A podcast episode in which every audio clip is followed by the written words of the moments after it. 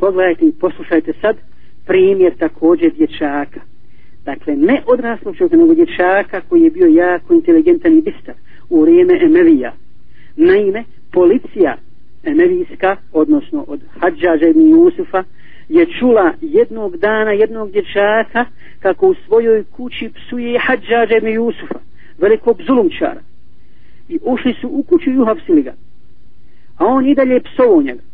Oni ga odvedu hađađu i čudili se kako smije kad su znali šta radi hađađ i kako postupa s onima koji ga ne psuju, a kamo s onima koji ga psuju. Uveli su ga u njegov dvorac. Hađađ je bio naslonjen na svom divanu, obučen u zlato i svilu. Sjedio u svome dvorcu.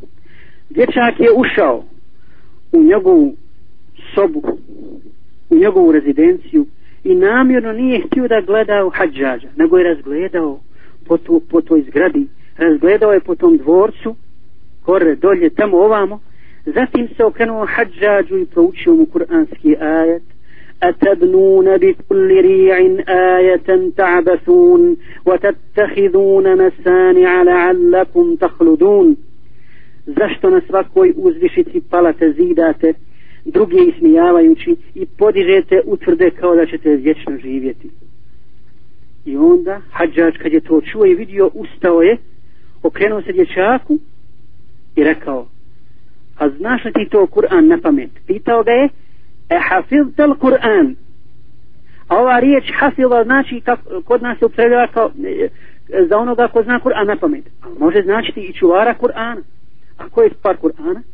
Pa pošto je pogrešno postavio pitanje, dječak mu kaže, zar se bojiš hađađu da Kur'an ne nestane, pa, sma, pa smatraš da ga ja trebam sačuvat, a Allah obećao da će ga čuvat. Kako ću ga ja sačuvat, kad će ga Allah sačuvat? Nakon toga, kad je hađađu da je pogriješio, da je postavio pogrešno pitanje, kaže mu, efe ahkem tel Kur'an. A ova riječ ahkeme znači, jesi li dobro savladao Kur'an ili jesi li usavršio Kur'an? Kaže ovaj dječak a'udhu billah. A zar ga Allah nije usavršio onda kada ga je objavio? Pa je hađaž vidi da je ponovo postaje pogrešno pitanje pa kaže e alharta al-Kur'an. a Avhara također znači naučiti na pamet a može također značiti baciti za leđa Kur'an odnosno zapostaviti ga. Pa kaže dječak Bože sačuvaj da ja zapostavim Kur'an. Pa mu kaže hađaž Allah te ubio pa šta ću ti reći?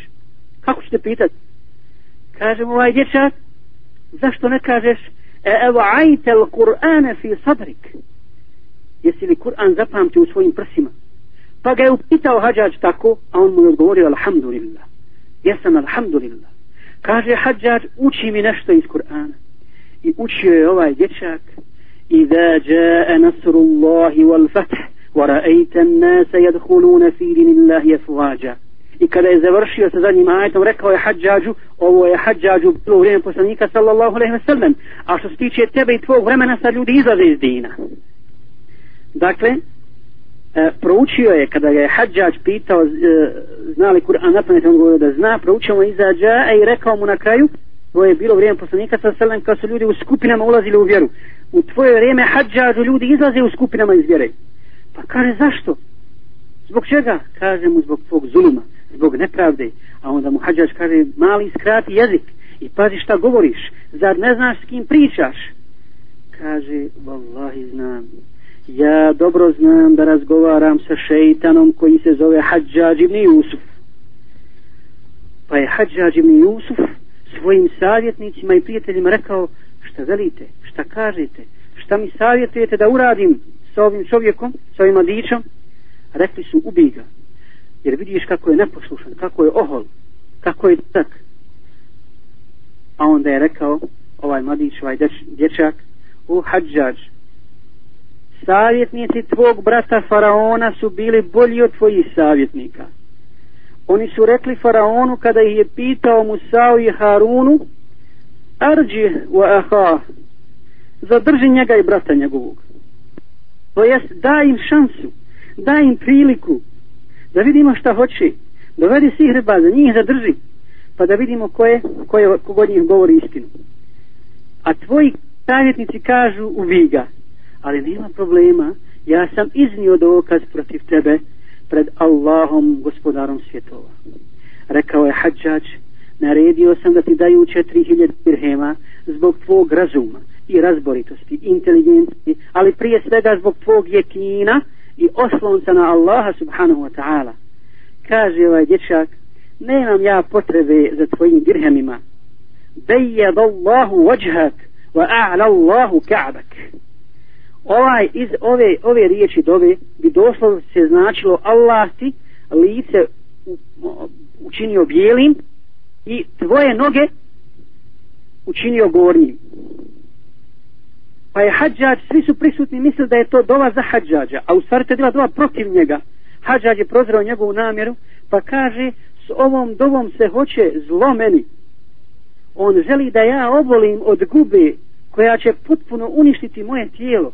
I da, a s ovim, s ovim drugom rečenicom, va'ara Allahu kabek, hoće da kaže, moli Allaha da, me, da dođe neko da me uništi, pa da mi noge budu gore, a glava dole. Je li tako dečko u je hađađ? Kaže mu ovaj dječak, Allah te ubio, zaista si razborit.